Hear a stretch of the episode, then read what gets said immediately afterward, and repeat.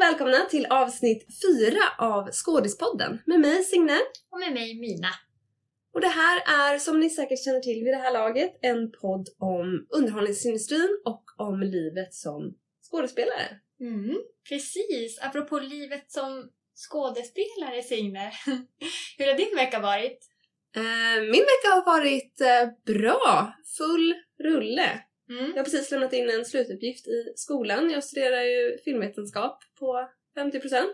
Ja, Signe jobbar då alltså 100% och studerar 50%. Exakt, jag jobbar faktiskt 150% tror jag om man lägger ihop mina Ja, olika... Plus skådespeleriet alltså 200% kan man ju säga. 200% jobb och 50% skola. Exakt. Jag blir utmattad bara av att höra hur mycket du jobbar. ja, jag är lite arbetsnarkoman. Men, men nu är skolan slut för eh, vårterminen i alla fall. ja. Eh, Och det har varit en bra vecka. Jag har haft lite auditions, eller ja, self-tape serier man får skicka in just Mm. nu eftersom man fortfarande inte får träffas och komma in i något rum. Men eh, det har varit bra. Mm. Spännande saker på gång. Kul, kul! Hur har din vecka varit Mina? Nej, men samma. Jobbat på. Jag har också haft två self-tape som jag skickat. Det har Ja. inte du berättat för mig om. Nej. Det var roligt. Mm. Hoppas att det genererar någonting. Ja. Men idag så ska vi ju prata lite om just livet som skådespelare faktiskt. Eh, och vad man kan tänkas behöva som skådespelare. Mm. För det finns ju en hel del saker som vi kanske önskar att vi visste när vi började. Mm, så många saker som vi inte hade en aning om. Verkligen, och som man lite har fått lära sig genom att göra fel. Ja. Alltså learning by doing. Och det kanske vi kan hjälpa någon att undvika. Mm. Eh, Så att man på en gång vet lite hur man ska ta sig an den här märkliga branschen. Mm. Mm. Ja, så jag tänker att dels för er som är helt nya så kommer det säkert vara jättebra att lyssna på de här råden, för det hade vi velat höra när vi började. Men sen finns det säkert något för er andra också som redan är etablerade som man inte tänker på eller så kan ni bara garva åt hur novisa vi var. Ja, gud, verkligen. Ja, eller fortfarande är kanske. Oh ja, oh ja, jag tror fortfarande jag lär mig saker hela tiden. Ja. Det har ju också att göra med hur branschen förändras och hur rollsättare förändrar sitt sätt att arbeta och, Mm. och så. Ja, hur vissa rollsättare inte förändrar sitt sätt att arbeta. Alltså det är ju det som är så olika också beroende på vem man ska skicka en self-tape till. Så vill de ha den på olika sätt eller... Verkligen, och där gäller det ju nästan, i alla fall om man jobbar i Sverige, att börja lära känna de individuella rollsättarna och förstå hur arbetar just den här personen. För att Mm. när jag har träffat rollsättare, det finns nästan ingen som jobbar på precis samma sätt eller vill ha sina CVn eller bilder på exakt samma sätt. Nej, och det är därför det inte finns någon så tydlig manual heller som man kan följa. Exakt.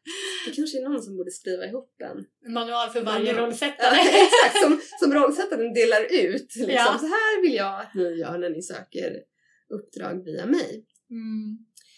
Men det allra viktigaste och det som folk kanske tänker mest på när man börjar jobba som skådespelare, det är ju bilderna. Mm. Alltså den headshot som man alltid behöver ta. Oavsett vilken rollsättare man arbetar med så skickar man ju alltid in en bild. Mm. Och det är ju många gånger det som de, eller de ser ju den bilden först.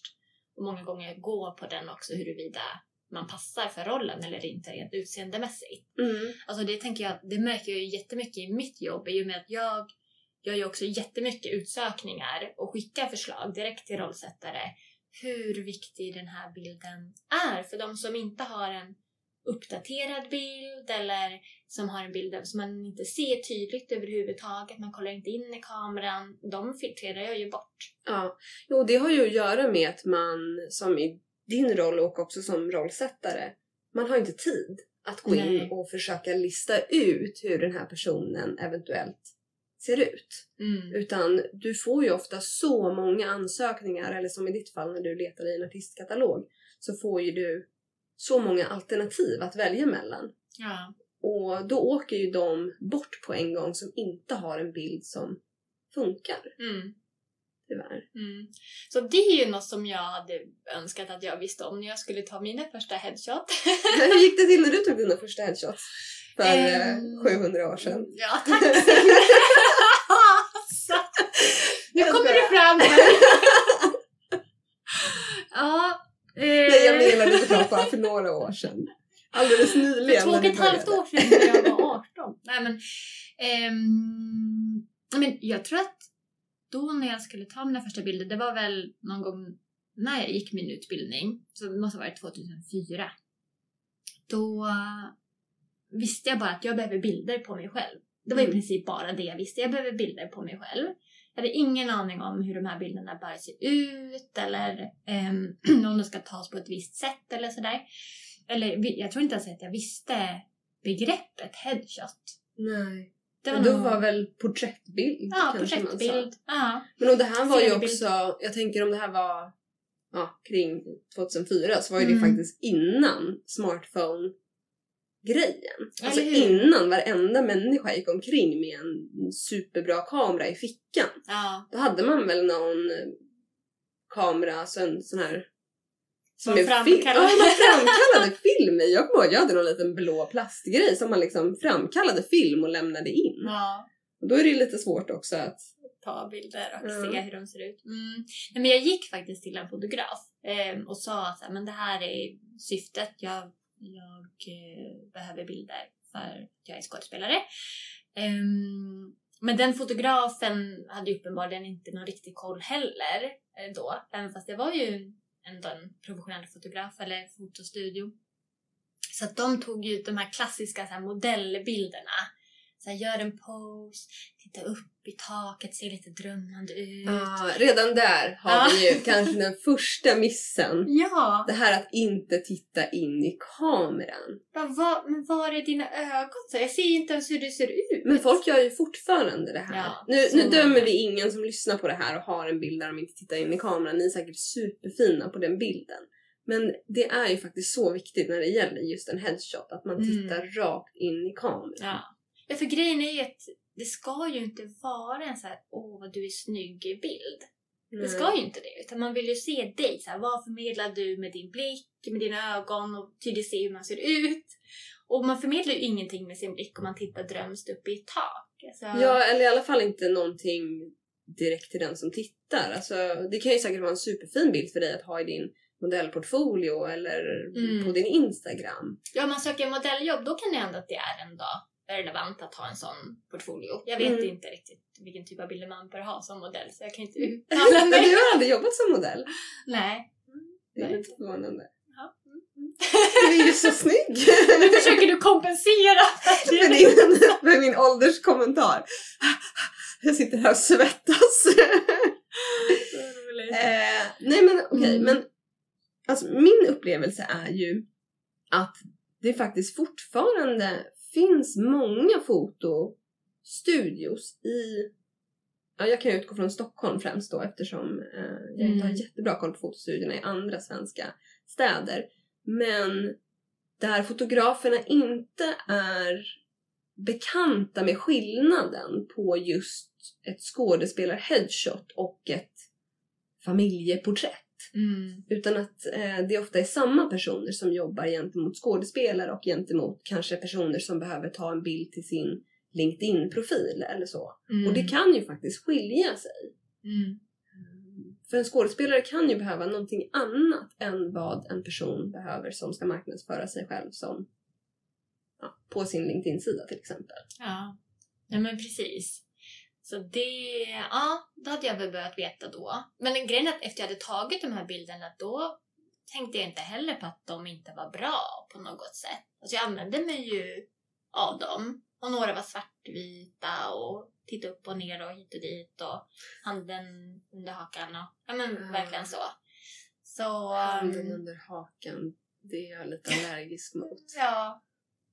Alltid när en fotograf säger sätt handen under Nej. hakan. Så säg nej. Ja men snälla ha inte bilder med händerna i ditt ansikte som Mm. headshot. Mm. För att när du ska skriva ut den här bilden, om du gör det, eller när du ska ladda upp den här bilden på eh, en, hemsida eller så, eller på ditt CV, den där handen kommer komma från ingenstans. Mm. För du kommer inte se resten av kroppen. Så det är liksom bara en lös hand i ansiktet. Eh, det, det hade varit bra om någon talade om för oss Mm. för tio år sedan. Precis, inga händer, händer, inga händer i ansiktet. Exakt.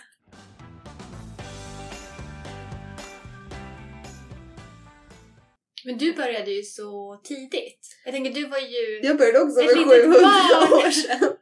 Du började Jag verkligen ett 700 år sedan, för du var ju ett barn. Eh, Jag började jättetidigt, absolut. Eh, Men jag tror inte att jag, när jag var barn, så tror jag inte att jag visste någonting om headshots.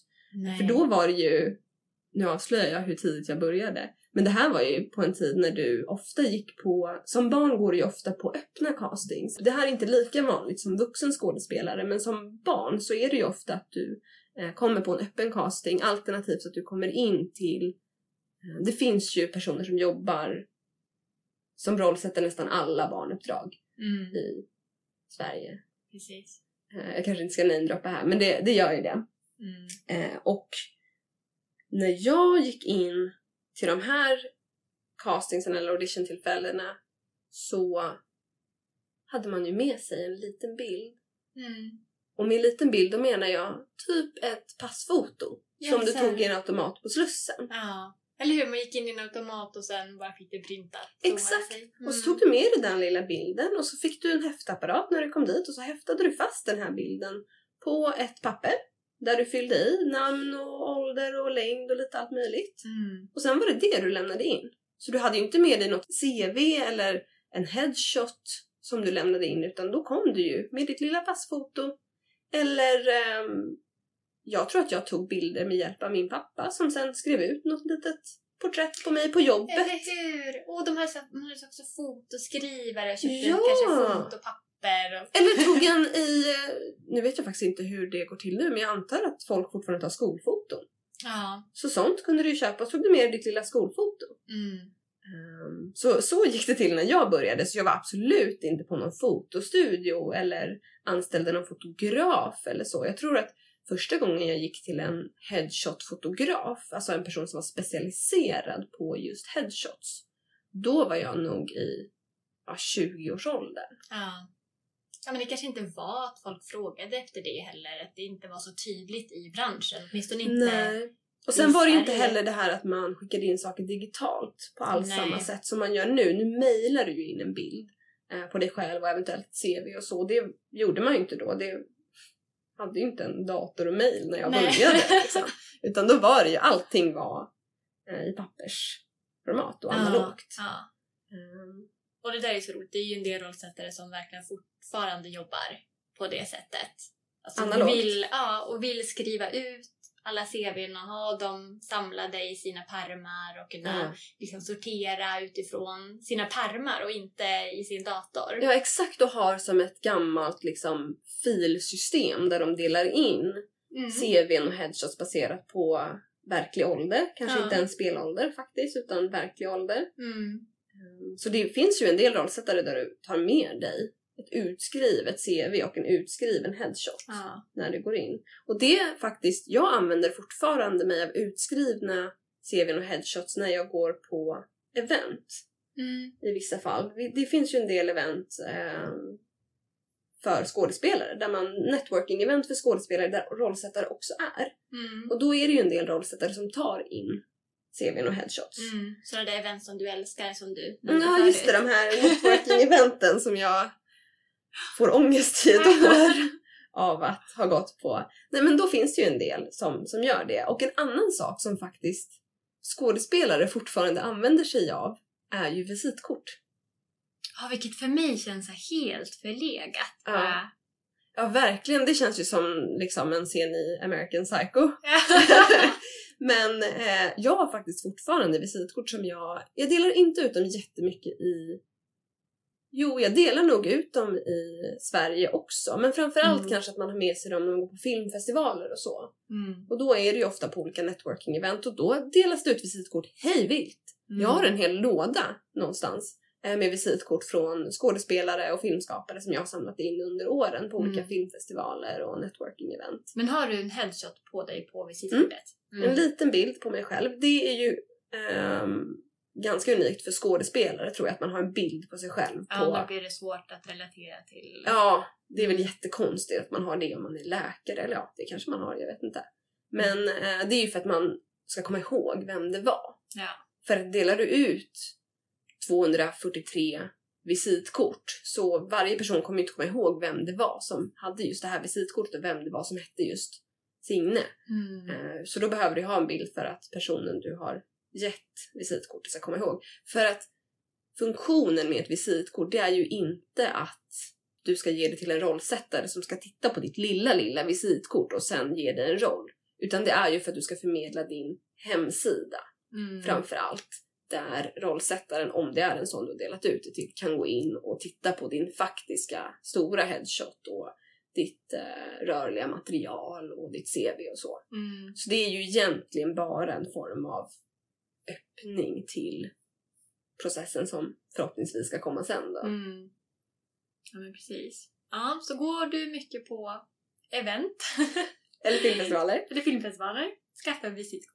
Mm, det är Mm. superenkelt. Och, Ja, för annars blir det ju inte att man kan... Alltså, då kan man ju inte på något sätt säga Hej, kom ihåg mig om två veckor. För nej. hur ska de göra det? Det gör de ju inte. nej, det bästa de kan göra då det är att de skriver ner ditt telefonnummer i sin mobil men då kommer du inte heller ihåg vem du var för de kan inte koppla Nej. numret till ett utseende. Mm. Så jag, jag tror fortfarande att det kan vara fördelaktigt. Och jag har faktiskt också eh, med glädje tagit visitkort från andra skådespelare och personer som jag klickar med på ett event och känner att dig vill jag ta reda på mer om. Och Mm. Om det så är att dig vill jag adda på Facebook för att se vad du jobbar med. Mm. Så Ja, har du ju precis. också namnet redan där. Ehm, jag tänkte bara, nu hoppar jag tillbaka igen till headshot. För Mm. Jag tänkte på en sak bara apropå när du nämnde så skolfoto. Jag har ehm, en vän till mig som gick en väldigt bra skådespelarutbildning och så skulle de ta eh, headshots. Jag skulle få det, liksom, inklusive utbildningen. Men den här fotografen som tog dem retuscherade dem så mycket så att när hon visade sin bild eh, på sig till mig så kände jag inte ens igen henne. Men gud. Alltså de var så retuscherade att det var så här, det här är en annan person. Men vad... Det känns ju väldigt oprofessionellt Ja. av fotografen. För att headshot-fotografer kan ju retuschera kvaliteten på bilden. Ja. Och kanske om man råkar ha liksom någon blämma för dagen som inte nödvändigtvis behöver vara där resten av ens liv så kan ju en, en bra headshot-fotograf fixa det. Men att Mm. liksom, Retuscherat till oigenkännlighet. det är absurt. Ja. Sa hon till. Eh, nej men jag tror att de flesta där i klassen var så chockade också. Alla fick jätteretuscherade bilder. Och sen, det var bara så.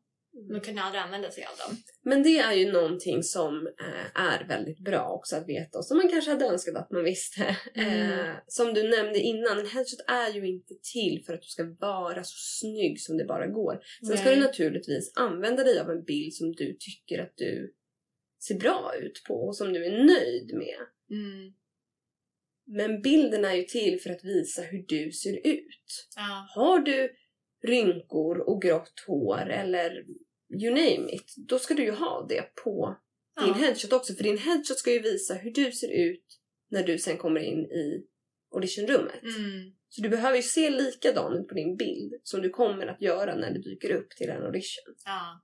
ja, men precis. Och det tror jag nog är någonting som ändå är gemensamt för alla rollsättare, alltså alla casting directors oavsett värld eller land som de jobbar i.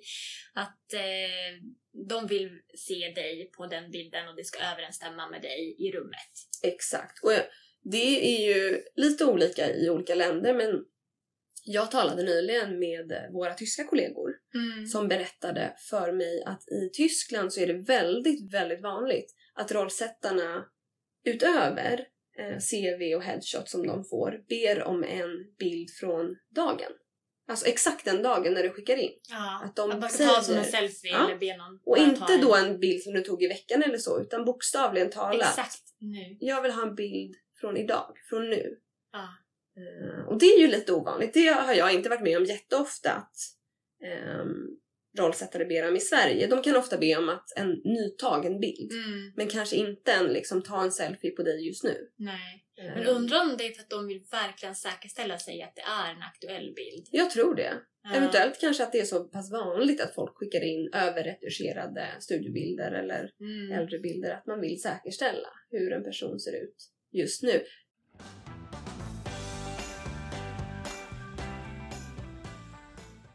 Det eh, är faktiskt en annan sak som jag har tänkt på ibland. För ibland är det ju så eh, att man har tagit en headshot som man är jättenöjd med och som man använder mycket men så kanske du ändrar ditt utseende temporärt till exempel. Mm. Eh, Jag hade en eh, period förra året så färgade jag mitt hår mörkt Mm. för en filmroll. Och det här var ju egentligen bara under några veckors tid. Och jag har inte mörkbrunt hår egentligen, jag har ju lite blandat, Mm. blandat just. Ehm, men under de veckorna så hade det varit lite overkill för mig att ta helt nya headshots bara för precis just då. Mm. Så det jag gjorde då när jag ansökte till uppdrag under den perioden, det var att jag skickade in mitt CV och mitt headshot som vanligt och sen skickade jag med en vanlig bild där jag sa eh, just nu så har jag färgat håret mörkt på grund av en filmroll. Så här ser jag ut nu. Ja. Ja, men det är jättebra för då vet du ändå att de bilderna som du har, alltså de headshot-bilder du har, de kommer ändå bli aktuella igen om fyra veckor. Exakt. Eh, det är en annan sak man färgar håret och sen kommer se ut så, men då behöver man ju uppdatera. Ja, exakt. Och det är ju eh, viktigt att man gör hela tiden. Att man hela tiden uppdaterar sitt headshot om man mer permanent förändrar sitt utseende. Mm. För du kan inte riktigt hålla på i ett år och skriva här är min headshot men nu har jag lugg Nej. och en annan hårfärg. Och jag tänker också att det är så otroligt mycket typecasting. Alltså det är ju verkligen det.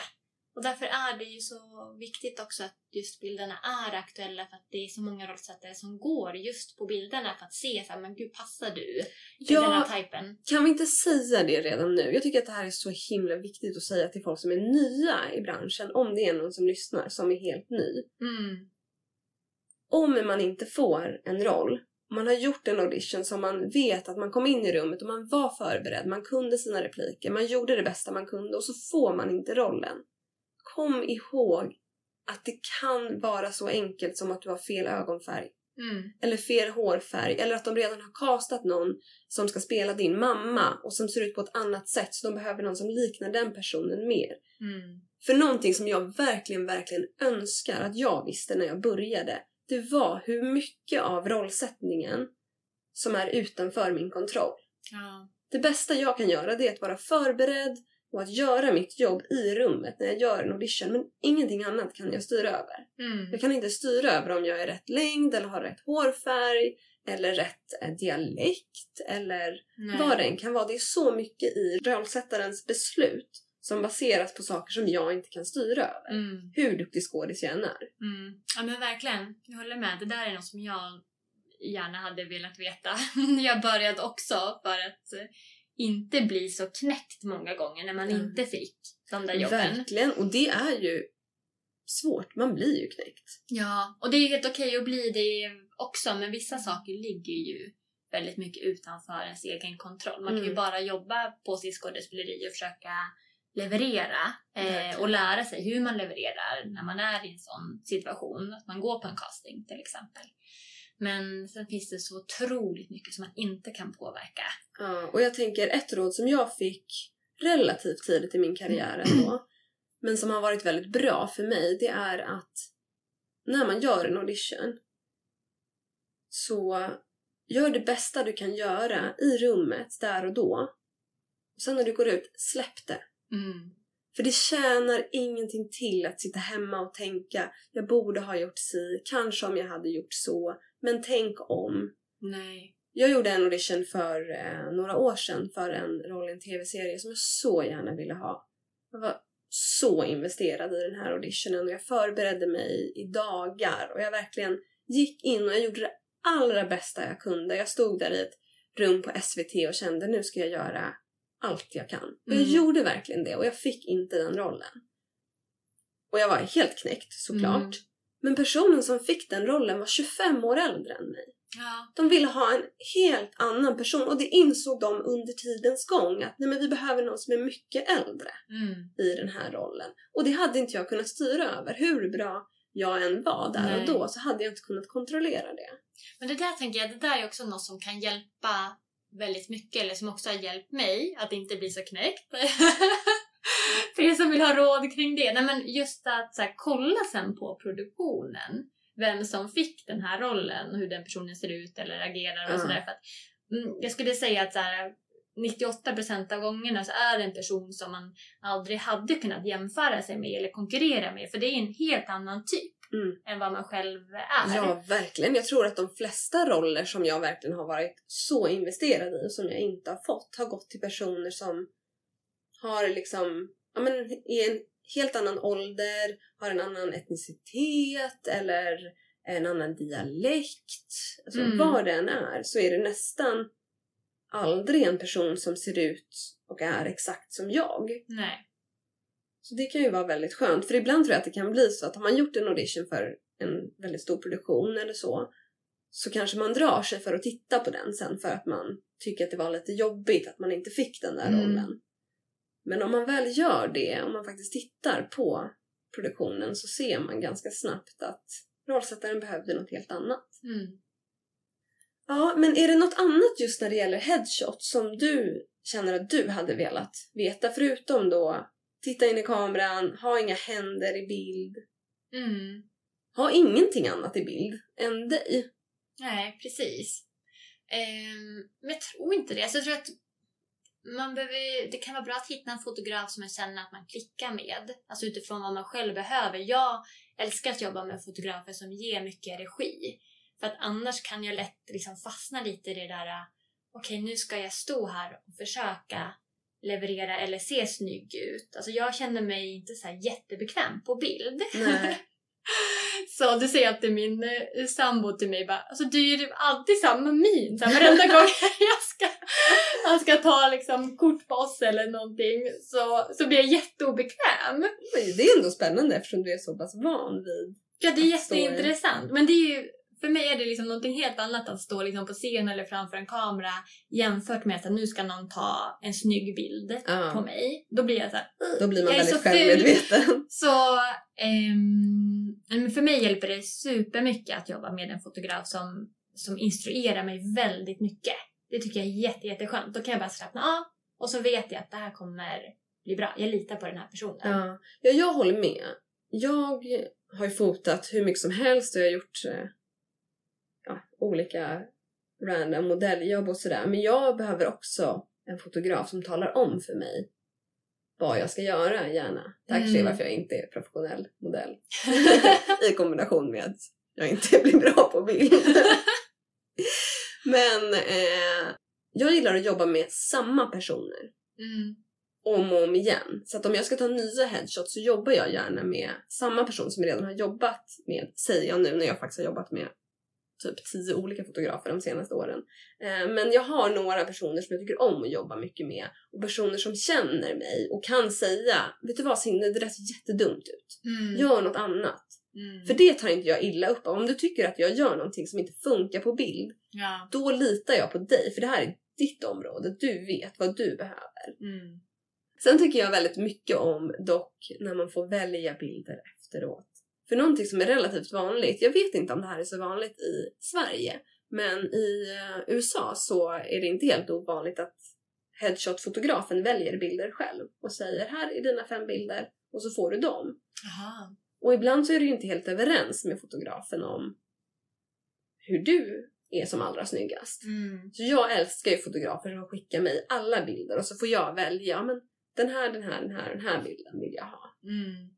Sen så, Ja, men det är ändå min erfarenhet av alltså, fotografer i Sverige. jag tror Jag det. har nog alltid fått dem skickade till mig och sen kan man alltid be om lite så här, råd om man står och velar mellan några stycken till exempel. Mm. Men annars så har jag alltid fått dem. Jag tänker i, i USA så skiljer sig ju bilderna åt ganska markant också om man jämför liksom, bilder som är tagna i Europa jämfört med i, i USA. Nej men tycker inte du det? Det är ju mycket mer så att man ska ha olika uttryck på bilderna. Alltså alla headshots Ja. som jag kollar på till exempel bara, och nu har du en flanellskjorta på den här Just det. bilden och nu Ja, har exakt. du en t-shirt. Och... I USA är det ju väldigt vanligt att man jobbar efter karaktärer när Ja. man tar sina bilder. Eh, Så att man innan man går till sin fotografering så planerar man lite vilka karaktärer vill jag kunna porträttera. Mm. Och sen kanske du tar en bild som är med håret i en knut och kavaj och glasögon och så tar du en helt annan som är liksom ja, Mm. i flanellskjorta och sådär. Att du spelar liksom till rollsättarens process på något vis och utan att förlita dig på rollsättarens egen fantasi. För jag tror att Mm. i Sverige så förlitar man sig på att rollsättaren kommer kunna se mitt headshot och placera in mig i de här facken. Mm. Medan man i Los Angeles mycket hellre spelar rollsättaren i händerna och använder sig av olika bilder beroende på vilket projekt det är du söker. Mm. Det har du faktiskt rätt i. Det är ganska unikt för Mm. den amerikanska industrin. Precis. Sen upplever jag att i eh, Storbritannien så är det fortfarande relativt vanligt med svartvita bilder. Mm. De börjar ju frångå det lite, ehm, har jag hört rollsättare som har sagt. Men jag är ju inte ett fan av svartvita bilder. Jag förstår inte funktionen med det. Eller hur? För då ser de ju inte heller ögonfärg och liksom hudton och hårfärg. Alltså, Nej, det är ju det man vill se. Du, vill Ja. ju, du tar ju emot en headshot för att du vill se hur personen ser ut rent. Vad den har för hårfärg, ögonfärg och så vidare. Mm. Och det gör det ju inte på en svartvit bild alls. Nej, Men jag tror, eller det känns som att de börjar frångå det. Förut var det väl nästan uteslutande svartvita bilder känns det som. Jag tror Men det. nu är det lite att, eller i alla fall utifrån den informationen jag har fått ifrån de casting directors som jag är i kontakt med så, så, så spelar det inte så stor roll. Nej. Att de säger att ah, men, det går jättebra om du har en svartvit bild och det går jättebra om du har en bild i färg. Exakt. Ja, för jag ser ju en del personer som, när jag har rollsatt projekt, som skickar in svartvita bilder. Mm. Och jag filtrerar nästan alltid bort dem. För jag har inte tid att gå in på deras hemsida och försöka lokalisera vad de har för faktisk hårfärg eller ehm, ögonfärg eller så. Och det, någonstans så måste man få den informationen. Mm.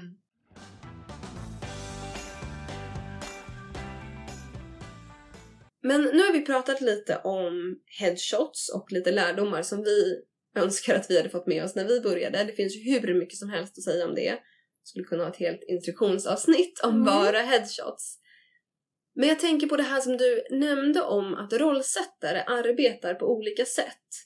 För det är ju någonting som man faktiskt bara kan lära sig genom att jobba och genom att träffa Mm. så många rollsättare som möjligt för att få den kunskapen. Men är det Mm. någonting där som du har tagit med dig av ditt arbete i branschen som vi kanske kan dela redan nu med folk som inte känner till? Ja men precis. Alltså jag tänker just det att alltid lyssna på vad rollsättaren vill ha. Alltså det som de har skrivit ut att de vill, vill se eller höra. Alltså är det en presentationsvideo, skicka en presentationsvideo. Jag ser ju jättemånga som skickar en showreel fast det tydligt står presentationsvideo. Eh, alltså verkligen så här, följ instruktionerna när Ja. du söker ett uppdrag. Ehm, En annan sak där eh, är ju också att om de skriver till exempel eh, skriv ditt namn, ålder, mailadress och någonting kort om din erfarenhet. mm. Då räcker det inte med att skriva se bifogad CV. Nej, för de vill ha den informationen högst upp så att de Exakt. snabbt kan kanske lägga in det i rätt fack. De kanske skapar mappar eller hur de nu jobbar. Ja, jag vet när jag har eh, rollsatt produktioner så har jag i min mail så har jag olika filter Mm. baserat på karaktär. Till exempel om jag har publicerat flera olika karaktärer eh, till ett och samma projekt. Då filtreras alla ansökningar baserat på vilken karaktär man söker. Vilket gör att om jag har bett dig skriva karaktärsnamnet i headern på Mm. mejlet Mm. då behöver jag att du faktiskt gör det. För att Mm. annars filtreras du in på fel ställe. Ja. Och då kan inte jag hitta dig när jag sen ska tillsätta rollen som hette si eller så. hur? Så där är det så viktigt att faktiskt läsa instruktionerna till punkt och pricka om man har fått instruktioner. Följa Och dem. följa dem. Följ dem. och sök inte om du inte passar. Alltså nu, nu menar jag inte att om man är osäker på att så här, hmm, kan jag passa för den här Mm. liksom, karaktären? Men, eh, utan snarare att så här, okej, de letar efter en person med ett helt, en helt annan typ av utseende eller färdigheter som du inte har. Mm. Det, för det är ju så många, upplever jag också, som söker och tänker att ja, men jag passar inte för det här men det kanske finns något annat för Ja. mig. Jag har fått faktiskt det när jag har rollsatt. Personer som har sagt Jag såg att du sökte en person som är 23. Jag är 45 men jag skulle faktiskt kunna spela 23 ändå. Mm. Ja, det kanske du skulle. Men jag har 743 ansökningar från personer som faktiskt är 23 som jag måste hinna kolla igenom och då kommer du tyvärr att filtreras bort Mm. i det. Och en annan sak, om de söker efter en person som har ett annat ursprung än vad du har, sök inte då. Nej. Det är så ignorant att göra det. Mm. De har valt att de vill representera personer på olika sätt i det här projektet. Sök inte då. Nej. Nej, man gör sig själv en otjänst. Ja, och det ser inte bra ut heller för nästa gång när du ser den här rollsättaren publicera en annons som du passar för. Mm. Han eller hon kanske kommer ihåg att ja, men du har ju också sökt 13 projekt som du inte passar för. Ja. Mm.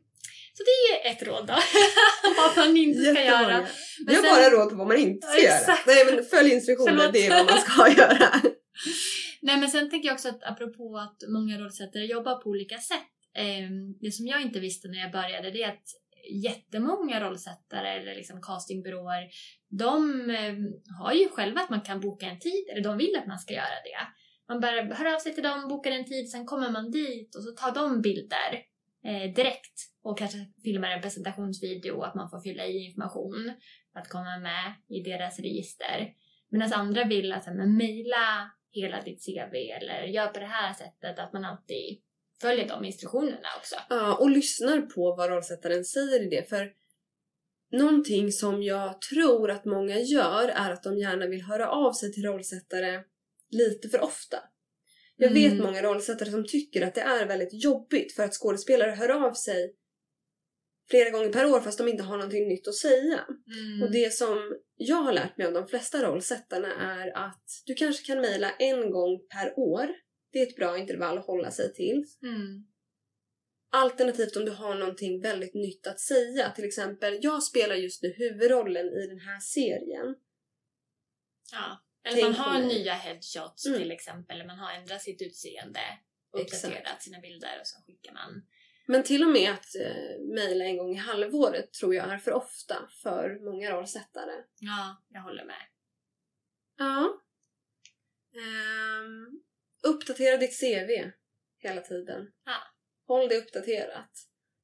För jag ser ibland personer som har jobbat väldigt länge i branschen vars senaste credit kanske är från 2001 Mm. och då behöver jag som rollsättare en förklaring till vad som har hänt de 20 åren som har gått därifrån. Och det kanske är så att man har kanske gjort något helt annat och det är ju helt fine. Då Mm. behöver man ju inte lägga till saker. Ehm, men det kan också vara så att man helt enkelt inte tagit sig tiden att uppdatera. Och det ser ju inte så bra ut. Så det kan man ju tänka på att hela tiden uppdatera sitt CV och börja plocka bort också så att det inte bara blir längre och längre. Ja, så här fem sidor långt. Exakt, utan håll det till de senaste fem åren brukar jag rekommendera skådespelare. Mm. Ja, det är mycket vi önskar att vi visste för 10 år sedan. Ja. Eller 20 år sedan för den delen. Ja. Då visste man inte mycket. Nej, Nej. nu är vi så kloka. Jag tänker också att om det är någon som lyssnar som undrar över saker och som vill att vi spelar in ett avsnitt specifikt om det. Kan Mm. inte ni som lyssnar skicka in frågor till oss? Mm. Vi har ju till och med en mail. Vi har en mail. Ja. skadispodden at gmail.com Mm. Och vad heter vi på Instagram? Skadispodden. Det är ett gemensamt eh, återkommande tema här. Eh, följ oss jättegärna på Instagram. Maila oss om ni har några frågor eller om det är någonting specifikt ni vill att vi pratar om i framtida avsnitt. Tryck jättegärna på subscribe eller follow-knappen så att vi ser om det är några som faktiskt lyssnar på de här avsnitten. Mm. Och nästa vecka då kommer vi prata lite mer om så här, provfilmning, self-tape, alla härliga Misstag man har gjort. misstag. Där har ju vi extremt mycket vi kanske önskar att vi hade. Vetat. Ja. Men man lär sig. Ja. You live and you learn. Mina, stort tack för idag! Tack för idag! Hej då Lippa! Hej!